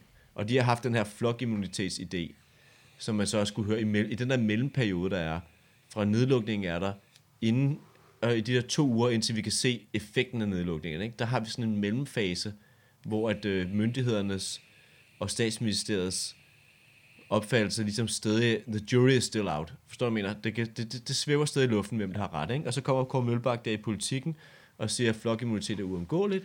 Og Ja, der var det, er jo, det er jo allerede omkring, altså det er jo så sent som den første, om det er lige omkring månedsskiftet april-marts. Altså Mm. Mølbak ændrer først holdning, sådan officielt, øh, i hvert fald hvad vi kan konstatere, jo, men det, det er omkring den 15. jo, men den bliver implementeret, det, er det ikke den 14. marts, at det, går, det bliver implementeret? Mener, at det, vi er ude på pressemødet af den 11. onsdag den 11. Ja. Og så er det om mandagen, at det bliver indført. Det er fra mandagen, at alt lukker ned, ikke? Øh, Nå jo, jeg snakkede om april. Jeg ja, ja, men nu ser, så, så, så, så, så, der, så er det også cirka to uger efter Mm. nedlukningen, at uh, han er ude i politikken og siger det der. Altså, forstår Ja, du, ja, ja, ja, ja, der ja, eksisterer ja, ja. sted. Det, der så sker, det er, og det er mit bud, det er, at nedlukningens effekt på smittespredning er så markant, at den kommer bag på alle, og den kommer også Ja. bag på os. Vi havde ikke regnet Nej, det, nej, Ingen absolut af ikke. os havde regnet med, at Nej, det det ville havde være troet. Nej. jeg havde troet, at den stadig ville, at der stadig ville være en, øh, en R-værdi over et, og, og vi Mm. skulle gå endnu længere. Altså, Ja. at vi ville have blevet nødt til at lave endnu mere radikale, øh, ja.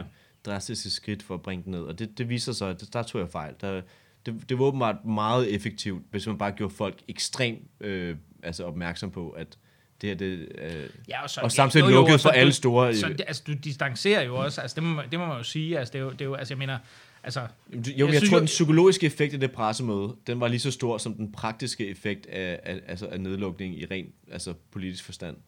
Ja, men jeg synes, det er svært at sige, ikke? fordi man kan sige, det er jo, det er jo to øh, faktorer, som er meget svære at skille fra hinanden, fordi øh, altså det, der sker der den 11. er jo også, at altså, der bliver det jo meldt ud, hvad den fremadrettede tilgang skal Jo, være. Men- så ser vi jo først, så ser vi jo først en fuldt indfaset I nedlukning. starten af april, når jeg, Nej, ja, i den kom- den kommer så- fordi der kommer ja. en yderligere nedlukning Ja, ja, af men- men- frisører, øh, undskyld, af alle mulige ja, super... værtshus og sådan noget. Men, men dybest set er der jo rigtig meget, der lukker ned frivilligt allerede Ja, ja, præcis. umiddelbart efter den 11. Ikke? Altså, der, der er jo rigtig meget, der, der, er, der er lukket ned på det her tidspunkt. Men, men, men, men så, så for mig at se det to ting, det er, at du, du bruger en hammer til, og hvad kan man sige, at, at slå fast, at øhm, at folk skal holde den her sociale distance, og samtidig så gør du det også, altså så faciliterer du også det ved at sige, jamen alle, der kan arbejde hjemme, skal arbejde hjemme. Offentlige virksomheder, altså stort set alle offentlige institutioner, der skal folk enten altså bare blive hjemme eller arbejde hjemme og så videre og så videre og så videre. Så det vil sige, vi har vi har to ting. Vi har en psykologisk effekt, Præcis. som er markant, og så samtidig har vi også Men- men, men- det, det men- rent intuitive, altså der gør, at alle de scenarier, hvor folk kan sprede smitten, og det foregår jo altså, mellem mennesker. Men uanset hvad, så kommer det, bag, det kommer bag på folk, at det er så absolut, effektivt. absolut. Jamen helt sikkert. Og, altså, og, helt det, og det, sikkert. der så sker, er, at, øh, at i og med, at der er den her periode fra efter nedlukningen, indtil vi ser den her effekt, Mm. der, der, er, der er svævet sted i luften. Altså, Ja. sådan, hvad, altså, der er ligesom stadig en, en, hvad kan man sige, et paradigme, som ikke er afklaret nu. Ikke? Mm. Altså, da, da, da vi ser, at effekten af det er så effektiv, så giver det ikke længere mening, at advokere for flokimmunitet, og, og, og vi skal leve med smitten, og den grønne, det, den grønne kurve dør jo kort efter det, ikke? Den lever nogle få uger, og så er den væk. Den, vi, vi har ikke hørt om den grønne kurve nu i halvanden måned, i hvert fald, ikke? Øh, det var i midten af april, vi, vi hørte om den sidst. sidst øh, var det ikke det, cirka? Jo, det vil jeg tro, det var. Ja, det ved jeg ikke. Jeg tror måske stadigvæk, der er nogen, der er til at hive den frem af til. Ja, men, know, men, ja. men, men, men, men pointen er bare, at, at når, i og med, at sundhedsmyndighederne skifter mening, ikke? det var det, vi var enige om. Hvorfor skifter de mening? Ikke? Jeg tror, mm. de skifter mening, fordi at empirien er så tung i retning af, at regeringen fik ret. Ikke? Altså, mm. at, at, at, regeringen, det var så meget sværere at advokere for Jo, flokimmunitet også- og grønne ja, kurver, ja, når der, når der også ikke være var nogen smittet hele man kunne vel Vestjylland. også være ukarakteristisk venlig over for, for, for sundhedsmyndighederne at sige, at, man kan, altså at, øhm, at muligheden for, altså at, at det pludselig går op, altså at de ikke nødvendigvis bliver overbevist om, at regeringens approach var mm, den rigtige, men det, det er svært at adskille, hvad, men man kan sige, at, men at det også bliver, at det bliver tydeligt for dem, at muligheden for, altså det er jo det, Lone Simonsen for eksempel går ud og altså hun kommer jo med sådan et eller andet modelberegnet studie, hvor hun også lige pludselig siger, jamen vi står i en gylden situation Ja. lige nu, nu kan, vi, nu kan vi faktisk track and trace os og gøre Ja. alt det, som WHO har sagt helt fra starten faktisk var den gode idé, og så Ja. er det jo sådan ligesom lidt, Nå, hov, nu kunne vi jo Ja. gøre det fornuftigt, som alle har vidst, var det fornuftigt, eller altså øh, at implementere det, ikke? Og det er jo også, det er jo også den retning, som, som Kåre Mølbak går i, men der kan man jo så selvfølgelig argumentere for, at det måske mere er et symptom på, at de havde en misforstået øh, eller en forkert forståelse af sygdommen til at starte med, end, øh, end så meget andet, ikke? Jamen altså selvfølgelig er det en forkert opfattelse af sygdommen. Det, det, det er en kendt skærning, men, men det er mere, hvad der får dem til at skifte mening. Fordi at i Sverige har de jo, er de jo stadig ved magten, ikke? Altså, men, men der har de jo heller ikke haft den her nedlukning. Altså den der, eller det der, den der hammer, lad os hellere kalde det en hammer, fordi der har jo været en nedlukning, den har bare været gradvis og forsigtig. Men det, men det der er det afgørende, mener jeg jo, er hammeren. Altså det der med, at statsministeren stiller sig op, og så øh, gør alle i krise, altså skaber et kriseberedskab, eller en krisesituation, undtagelsestilstand. Altså, mm. der sker bare et skift i danskernes. Ja. bevidsthed den 11. marts, ikke? Vi går fra at gå rundt og tænke, ah, altså nogen tager det seriøst, andre tager det ikke så seriøst, det er sådan lidt, wow, wow, wow. Men efter, efter det der pressemøde, efter nedlukning og den ydre skærpelse, hvor storcentre og rest, øh, restauranter og barer, alt sådan noget også lukker ned, altså der begynd, altså så siver den jo bare ind. Altså lynhurtigt hos alle danskere, meget markant, og, og det er jo det, der får smitten ned. Altså lige så meget som den praktiske, fordi den danske nedlukning er jo faktisk enormt mild. Altså hvis du sammenligner med alle andre vestlige lande, så tror jeg, vi er, så tror jeg, vi er i Danmark, Sverige, Island, Norge. Norge. Det er det mildeste, altså Mm. det, vi- er i absolut dem, som har lukket aller, aller mindst ned. Altså, det, det har faktisk ikke været særlig meget. Og der er jo en fortælling nu i det borgerlige Danmark især, at den danske nedlukning har været enormt sådan hård og sådan markant. Og det er jo, altså, i Tyskland, bare lige syd for grænsen, der var det altså forbudt ved føderal lov at mødes med en to personer. Altså, prøv lige, at- altså, Mm. du kunne simpelthen få, altså, du kunne få en straf Ja, uden for husstanden, skal du Ja, uden for husstanden, men Ja. stadig. Altså, Ja, du absolut, kunne, ja. det, det, er ret, det var en ret radikal altså, mm. lovgivning i forhold til den danske. Altså, Ja, ja.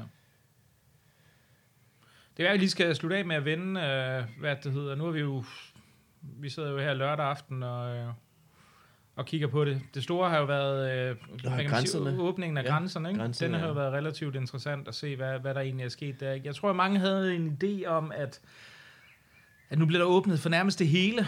ja men det, det er Øh. sjovt, øh, Mikkel, fordi nu, nu, kommer, altså, nu skal vi snart have den masochistiske skal, skal vi ting. bedre vidne? Eller hvad? Øh, vi laver snart det der show, hvor vi vil gå igennem, og vi også vil komme med alle de ting, vi også tog fejl. Fordi vi har også taget fejl i en masse ting. ja. Øh, Det, det er ikke, vi, skal ikke, vi skal ikke sidde her og, og, og, og være helt smuk, som om vi vidste bedre end alle andre. Jeg synes faktisk, det er meget rart at sidde og være helt smuk. Jamen, jeg har det også Ja, enormt godt med det. Altså, og jeg kan mærke, at rollen er for... Den er, jeg skal passe på med den rolle. Ja. Men jeg kan vil så sige, at vi diskuterede jo også grænseåbningerne. Det, Ja, det sidste gang, vi talte sammen? Jeg kan ikke huske, om det var... Nej, jeg, jeg tror faktisk, det var før det. Men jeg kan, Så jeg det er en måned siden nærmest? Jeg tror, jeg tror, det var program nummer to måske, men lytterne er jo altid velkommen til at gå ind og tjekke efter. Men det sjove var, fordi så diskuterede vi kommende grænseåbninger. Ej, jeg tror, det må være to uger siden. Ej, måske er det længere siden. Jeg tror, det er længere tid siden. Men, Og der kan jeg huske, du spurgte mig, hvad for nogle, hvad jeg regnede med, der ville være komme åbne grænser. Jeg sagde, jeg tænkte, at Tyskland ville åbne. Jeg tænker også, at Norge, Island. Jeg ved ikke, om jeg nævnte Island. Det tror jeg ikke. Jeg kan ikke huske, om jeg nævnte Island.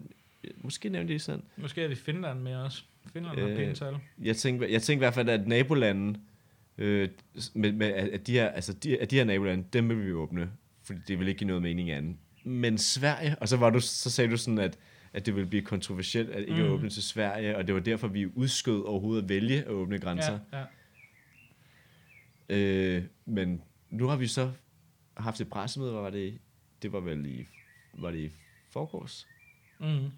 hvor at grænserne... Nej, det var, det var i går. Så var det i går. Fredag, ja, det var i går. Og, øh, og, det, og så har de jo, øh, altså, så er tysk, grænserne til Tyskland, Island øh, og Norge bliver nu åbnet, men ikke Sverige. Mm.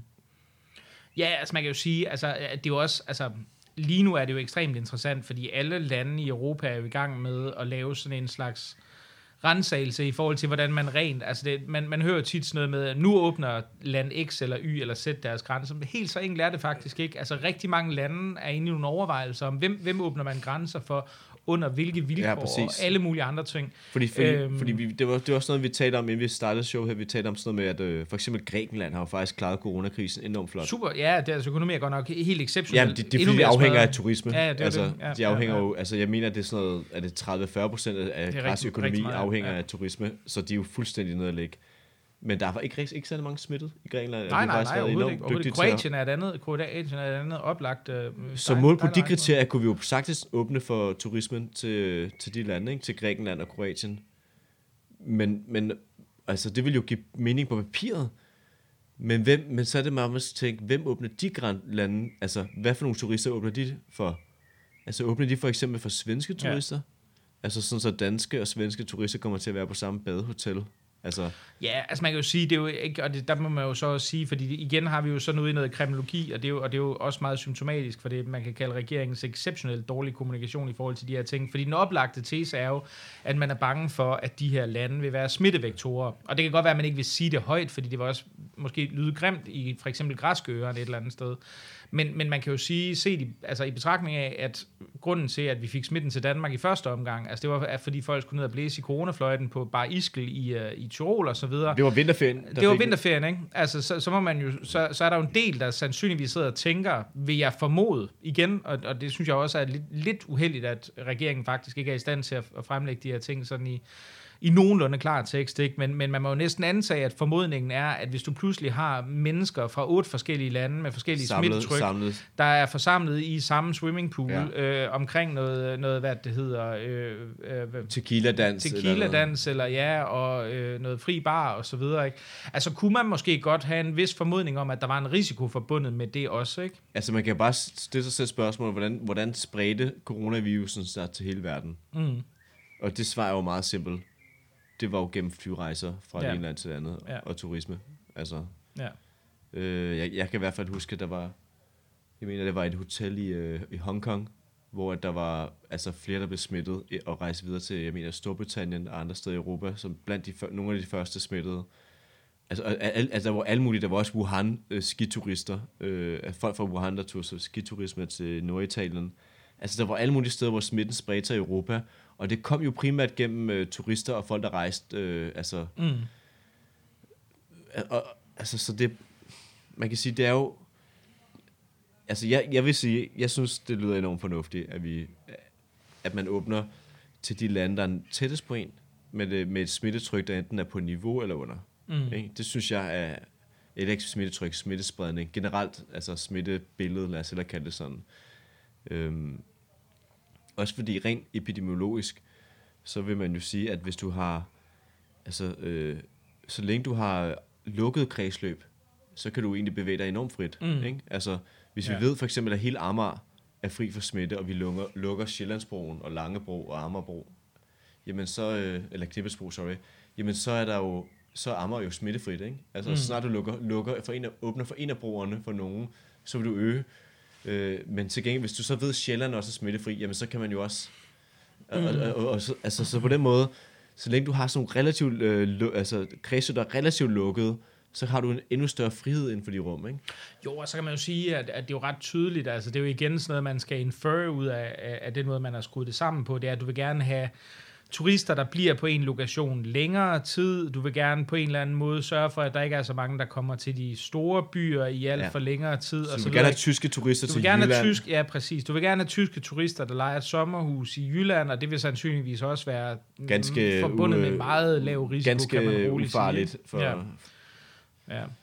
Men altså, så har vi jo stadigvæk det store problem med, med vores kære svenske naboer. Det kan være, at vi lige skal vende Skåne, fordi jeg, jeg synes, der er opstået sådan en, øh, for mig at se, virkelig underlig øh, historie om, at øh, Ja, det Skåne... går fint. Det, det, det svenske rigtig- strategi øh, kører rigtig godt i Skåne. Ja, i Skåne, fordi smittetrykket er lavere end på Sjælland jo, kan man faktisk øh, Men- høre men- flere, der siger. Men det forstår jeg ikke, fordi altså, jeg, jeg, jeg tjekkede bare lige tallene på det der c19.se. Mm. Og, og, og det gjorde jeg her for to dage siden. Nej, undskyld, det var i går, da en eller anden fordi, øh, skrev på Twitter til, som en kommentar til min kommentar i Weekendavisen, øh, hvor, jeg, altså, hvor, jeg, hvor jeg sagde, at Danmark ville have ind som Sverige, hvis øh, vi havde gjort, som sundhedsmyndighederne sagde. Så, sagde jeg, så skrev jeg med, jamen det går rigtig godt i Skåne. Og så Ja. var jeg så bare inde og tjekke statistikken, og så kunne jeg se, den dag, der var 10 døde Skåne. Ikke? Ja, altså... Og, og der var to døde i Danmark. Jeg, jeg, har faktisk, jeg har faktisk lidt bedre tal, fordi jeg, jeg, jeg sad ved at skrive en, en opdatering om det forleden af, men så faldt jeg faktisk i søvn, så jeg har aldrig nogensinde gjort det. Men, øh, men, Men, øh, men, men der er jo det flere smittet i Ja. Skåne. Der bor 1,3 millioner i Skåne. 1,36 millioner i Skåne. Og På- der på- er flere smittet, og der dør flere i Skåne Ja, altså, end i hvis hele man, Danmark. hvis man, øh, ja, altså smittet er lidt svært at sige, fordi de tester, tester så he, jo, men vi helt må sige på indlæggelserne. Jamen det, det, det er jo så også det, jeg kommer til, men med at det hedder, altså hvis man, hvis man ser på indlæggelsestallene for Skåne, øh, så for indeværende er der 84, øh, og det er per i går, altså det vil sige, det, det er per fredag, da jeg, da jeg tjekkede tallene for det, der var der øh, 84 indlagt i Skåne, i hele regionen Sjælland, øh, og det skal siges, har forstår jeg, det, det, eller ikke region Sjælland, det er faktisk region Hovedstaden plus region Sjælland, så det vil sige inklusive Lolland Falster. Men det er jo et altså- meget større det er område. sådan- det er et område, der er været dobbelt så stort. Ja, Steal my thunder her. Jeg sidder her og har alle tallene, på, alle tallene på plads.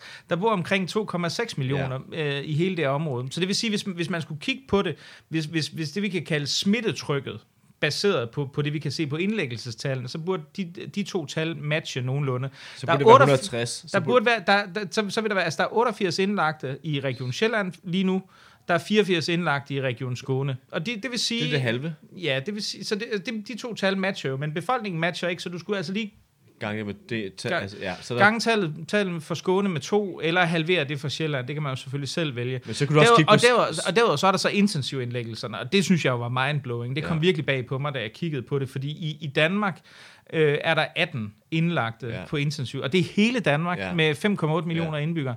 I Skåne, der ja. er der 19 indlagte. Det vil sige, i en... Det er fem gange så højt. Ja, Men, men, og, og, og, og, hvis du kigger på dødstallet, fordi det er jo nemlig det samme, det er også fem gange så højt. Ja, det, det, er, at sige- ja, det er, det er, jeg, jeg tror, jeg kan ikke huske landskorrigeret, jeg forsøgte også at regne ud, men det er noget højere, men, men, men, men, men der, er uden- 100, der er 179. Ja.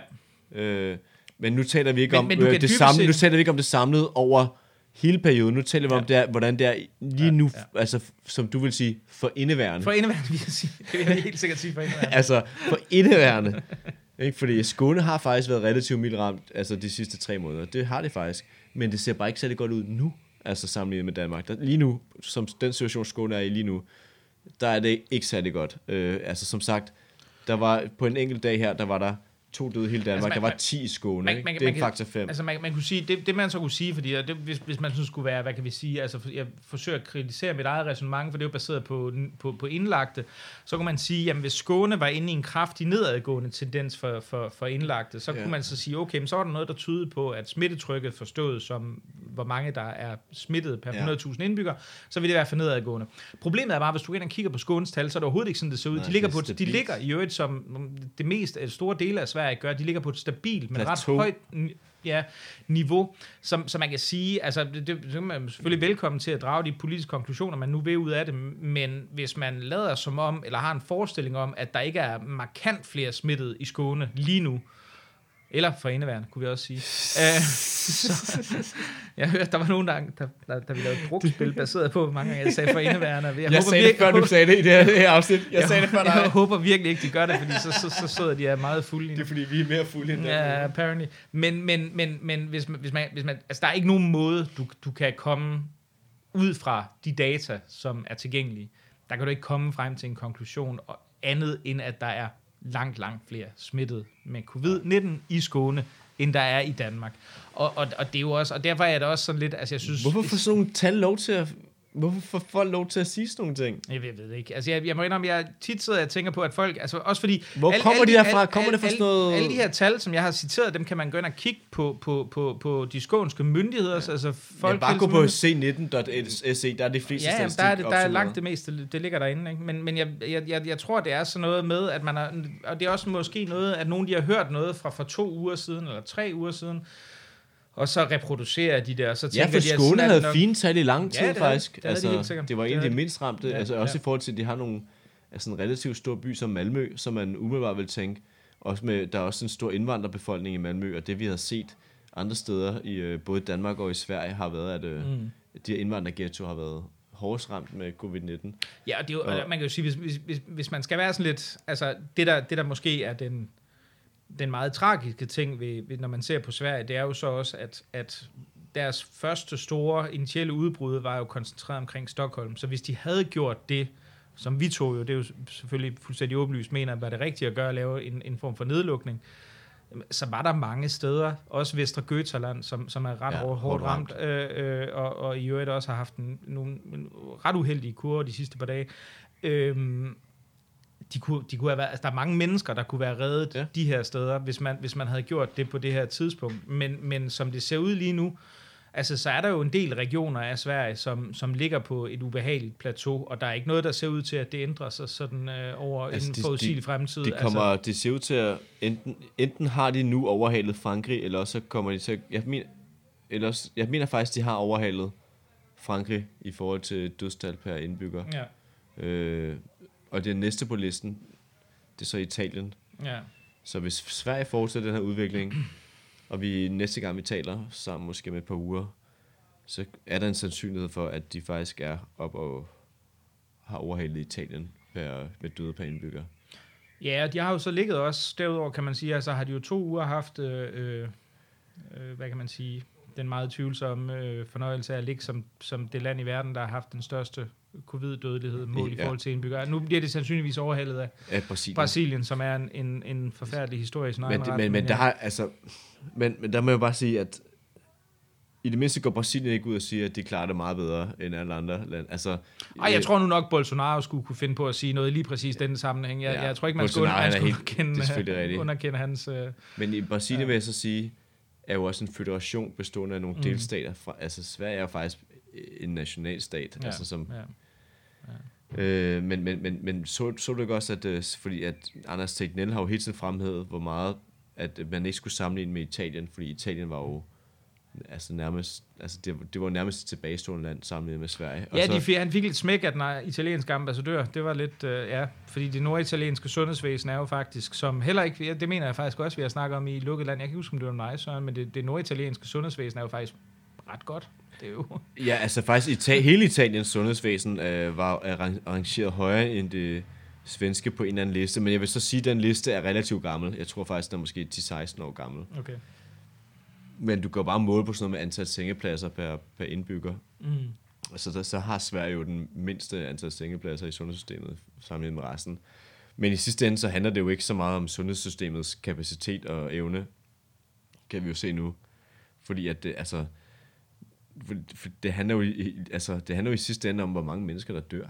Mm. Altså, det vil jeg jo mene. Er det ikke det, der er afgørende? Jo, altså jeg ved det ikke, altså jeg kan huske, jeg tror, jeg tror det var uh, Jesper Lau Hansen, hvis som skrev, sundhedssystem skrev en kollapser, kommentar men- til mig i Berlingske, Ja. hvor han mente, at man kunne faktisk ikke gøre det op i forhold til antallet af døde, men jeg mener faktisk, at det er en okay succesparameter. Og der kan man jo selvfølgelig, der er jo nogen, der mener, at uh, hvis, hvis det bare taler om uh, folk, der er lidt op i alderen, uh, eller meget gamle, det kan man jo selvfølgelig alt efter, hvordan man vender det, så kan man jo sige, at uh, Men det, altså, gør det ikke nær så meget. Det er, jeg jo, har- og det er men- jo selvfølgelig måske mere et etisk spørgsmål i forhold til, hvad man finder rimeligt i forhold til sådan nogle præventive tiltag, og det skal man jeg- naturligvis have lov til at mene andre ting om mig om, men... Uh, Jeg synes jo bare, at et år fra eller til, når man er over 80, gør faktisk en kæmpe forskel. Altså et år, altså hvis, hvis du er sund og rask og rørig, og du kunne have levet tre år til, og du var 78, altså det er jo, det er jo en kæmpe ting at miste. Altså det bliver jo en kæmpe, altså at, at, at, sige, at det på en eller anden måde skulle være værdiløst, det kan jeg simpelthen, jeg kan simpelthen ikke, altså, men jeg vil sige rent etisk, så jeg bliver altså forstemt, øh, det må jeg sige, når, når folk, når folk siger, ja, at når man gennemsnitsalderen var jo det og det, altså så må vi så kunne være ligeglade med dit liv, det kan jeg, og, og også, også argumentet med, altså, og det kan jeg se, at folk laver sådan nogle statistikker med, at der kun er så så mange under 60, som er døde af corona, som ikke havde en anden sygdom. Sådan, altså, be, betyder det så, at hvis du nu havde en anden... Altså, du, det er jo folk, der er døde af corona, ikke? Og, Eller, øh, øh, og, der, der vil jo være en masse, der, der vil sige til dig, Søren, men de er døde med corona. Nej, fordi at, der er lavet statistikker, uh, undersøgelser af det, og langt de fleste døde af corona. De var, havde overlevet, havde de ikke fået Altså man, man kan jo sige relativt, altså intuitivt, hvis man kigger på overdødelighedsgraferne via Euromomo, som er det europæiske øh, overdødelighedsagentur, som man kan gå ind og kigge på nettet, så kan man jo selv stille sig spørgsmålet, at der ser ud til at være en meget påfaldende og ekstremt høj spike lige omkring det tidspunkt, som corona de rammer. Døde af, de døde af en sygdom, og, og det er sådan noget med, at deres liv så mindre værd, fordi de havde en respiratorisk sygdom, eller, eller et hjerteproblem. Det kan jeg simpelthen ikke. Når vi nu egentlig er ude i jeg kan, jeg range, altså, altså man, skal, man skal sige, mange af de komorbiditeter, altså det vil sige de forudgående sygdomme, som folk har, altså en af de store der, det har vi jo ikke vidst i meget lang tid, det var, overvægt, men ikke, ikke kun det. Øh, altså, den, øh, den er jo så ikke du, Han var alligevel fed, Mikkel. Ja. altså, hvad så er man døde? Jeg synes, han var fed. Jeg synes, det er et ubehageligt argument. Men, men det er jo ikke engang, overvægt er jo ikke engang den, altså, man kan sige, højt blodtryk er jo, er jo en af de rigtig, rigtig store, øh, hvis ikke den største, ja. hvis jeg husker rigtigt. Og det, og, og det er jo sådan noget, som er en folkesygdom for, for særligt Ja, hvad var du sagde, det var det 40 procent? Men, men over 70, mener jeg, der, så vidt jeg husker, der er det 40, hvis ja. ikke højere end det, altså der får det. Altså det er jo sådan noget med, at diabetes er jo en, en anden af de her ting, er jo også meget høj. Altså, vi, snakker, vi, snakker, vi snakker om meget, meget store grupper af ja. samfundet. Og det er jo også derfor, du giver. Altså det er jo sådan, hvis man egentlig skulle lave en influenza, øh, hvad kan man sige, øh, analogi. Men grunden til, at du giver øh, vaccinen til de her grupper, det er jo fordi, at de også bliver ramt af de her ja. komorbiditeter. Forskellen mellem influenza og covid er altså bare, at du har et meget, meget større dødelighed ja. Ja. blandt de her grupper, ikke, som har de her komorbiditeter. Så det er jo, altså, så jeg, jeg ved det ikke, altså det, det ved jeg ikke. Altså, I sidste ende synes jeg, det er en svær, den der diskussion synes jeg i virkeligheden er lidt svær at tage, fordi det, det, i så, altså, så, det, det er så etisk et eller andet sted, så der har jeg det sådan, at hvis man virkelig mener, at det er acceptabelt at sige, at du har rigtig mange mennesker i en bestemt alder, som, som dør, at, at så er det på en eller anden måde samfundsøkonomisk mere acceptabelt. Altså, Men det, det køber jeg ikke. Det, det, jeg det, køber man jo, ikke. Det, må man, altså, ja.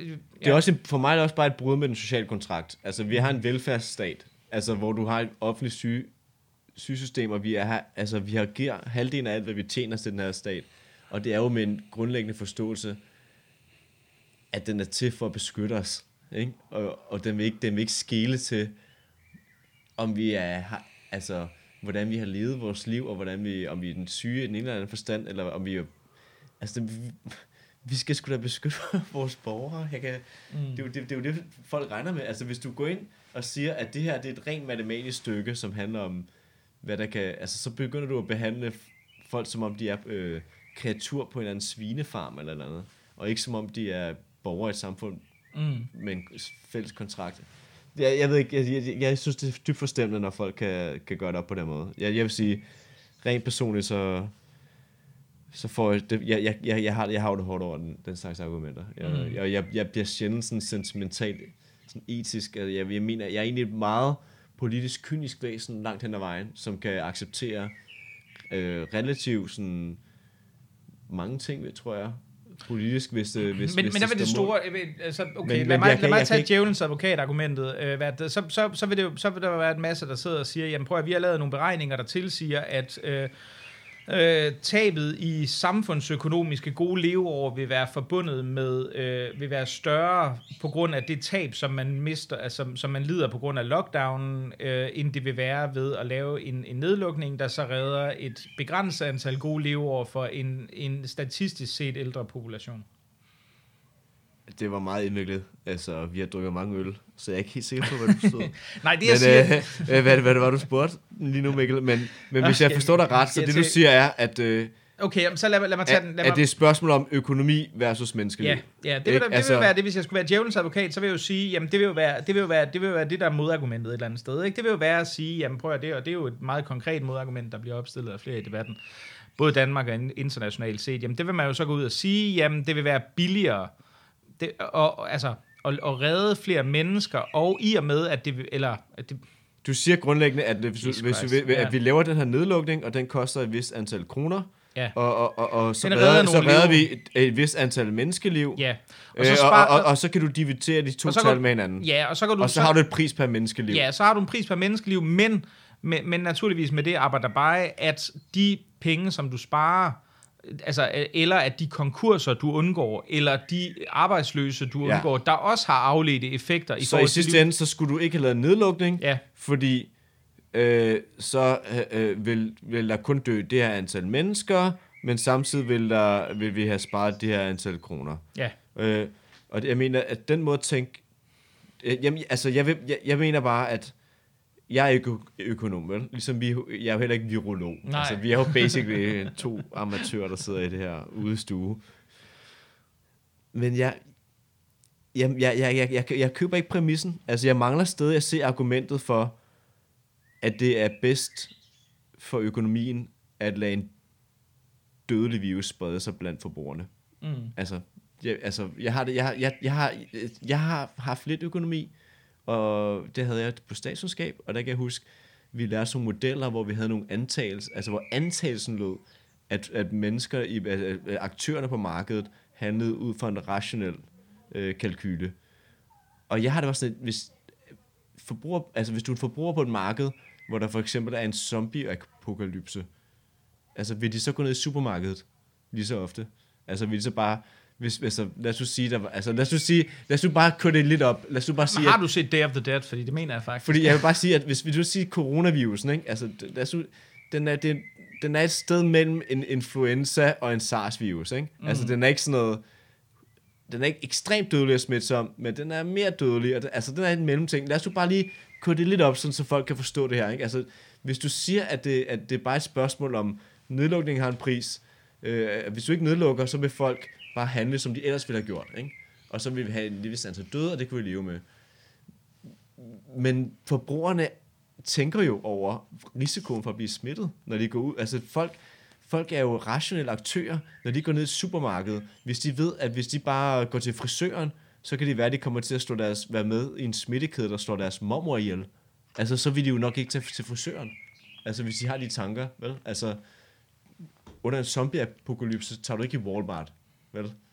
I- Igen, jeg tror altså, det er Dawn of the Dead, og der, der tager de faktisk i Walmart. Det er en meget Det fantastisk... burde du jo ikke, Mikkel, vel? Det er, men altså, det må du toppe med George, George Romero. Det gør de faktisk, og det har fantastisk udkommet, men ja. Men var der kø i Walmart? Ja, det kan jeg ikke huske. Det er lang tid siden, jeg så den, men ja. Men, men, men, men grundantagelsen her er jo, at, øh, at, at forbrugerne vil handle på den samme måde. Og det eneste, der influerer, det er politikerne, ikke? Og det er jo bare, det er jo bare ikke rigtigt. Altså sådan, det, det kan du jo se. At du kan jo se, at i Sverige lige nu, altså vi kigger lige nu på transaktionerne øh, blandt forbrugerne, og, og jeg mener, at Telia kom ud med nogle data for noget tid, øh, for i sidste uge, mener jeg, der var, omkring øh, danske og svenske, øh, og mener, måske også norske øh, forbrugere. Og, det, og der kunne man se, at i, i Norge og Danmark, var vi, øh, for, var, var vi meget friere og meget mere altså, mobile. Altså vi bevæger os mere rundt, og vi forbruger også mere nu, end, vi gør, end de gør i Sverige. Og hvorfor gør det? Fordi Sverige har jo formelt set været åben i længere tid. Det er jo fordi, at folk er bange for at blive... Altså, Mm. øh, ja, ja, som man siger, i Sverige så er alle med på, at der skal være flokimmunitet, 60% skal blive smittet, det skal bare ikke, jeg, det skal bare være de andre 60%. Jeg skal ikke være en del af den, så derfor bliver man inde, altså, mm. det er jo derfor, det er jo ikke, det er, jo- altså det er jo en karikatur, det jeg siger nu, men det er jo derfor, den der strategi er så hasarderet, det er fordi, at man deler befolkningen i to, altså, forbrugerne handler jo rationelt, ikke bare efter, hvad der er billigst på markedet, det handler også om, hvad for nogle risici, de udsætter sig selv andre for. Mm. Så om du lukker et samfund ned eller ej, så vil du stadig være en virus. Og den vil koste. Det er virusen, der koster penge. Mm. Ikke? Primært. Altså, den, den politiske beslutning er jo ikke det, der... Altså, jeg tror, at øh, når det hele bliver gjort op, og nu vil jeg vente, og nu kommer jeg til at lyde som en svensker. Vi skal ikke måle nu på økonomi. Vi to skal år. vente om et år, om jeg tror. Så jeg tror, jeg, jeg, jeg, jeg vil gerne se regnstykket, der kan, der kan få det til at give mening. Jamen, jeg er sikker på, at der vil, der vil komme utrolig mange regnestykker, øh, der lige præcis forsøger at kalkulere det. Ja, det skal nok blive spændende at følge. Men øh, Søren K. Vilmos, debatredaktør på Weekendavisen og øh, Lukkets Lands øh, svar på coronalåne. Tusind tak, fordi du øh, var med igen i dag. Tak for det. Tak for god middag også.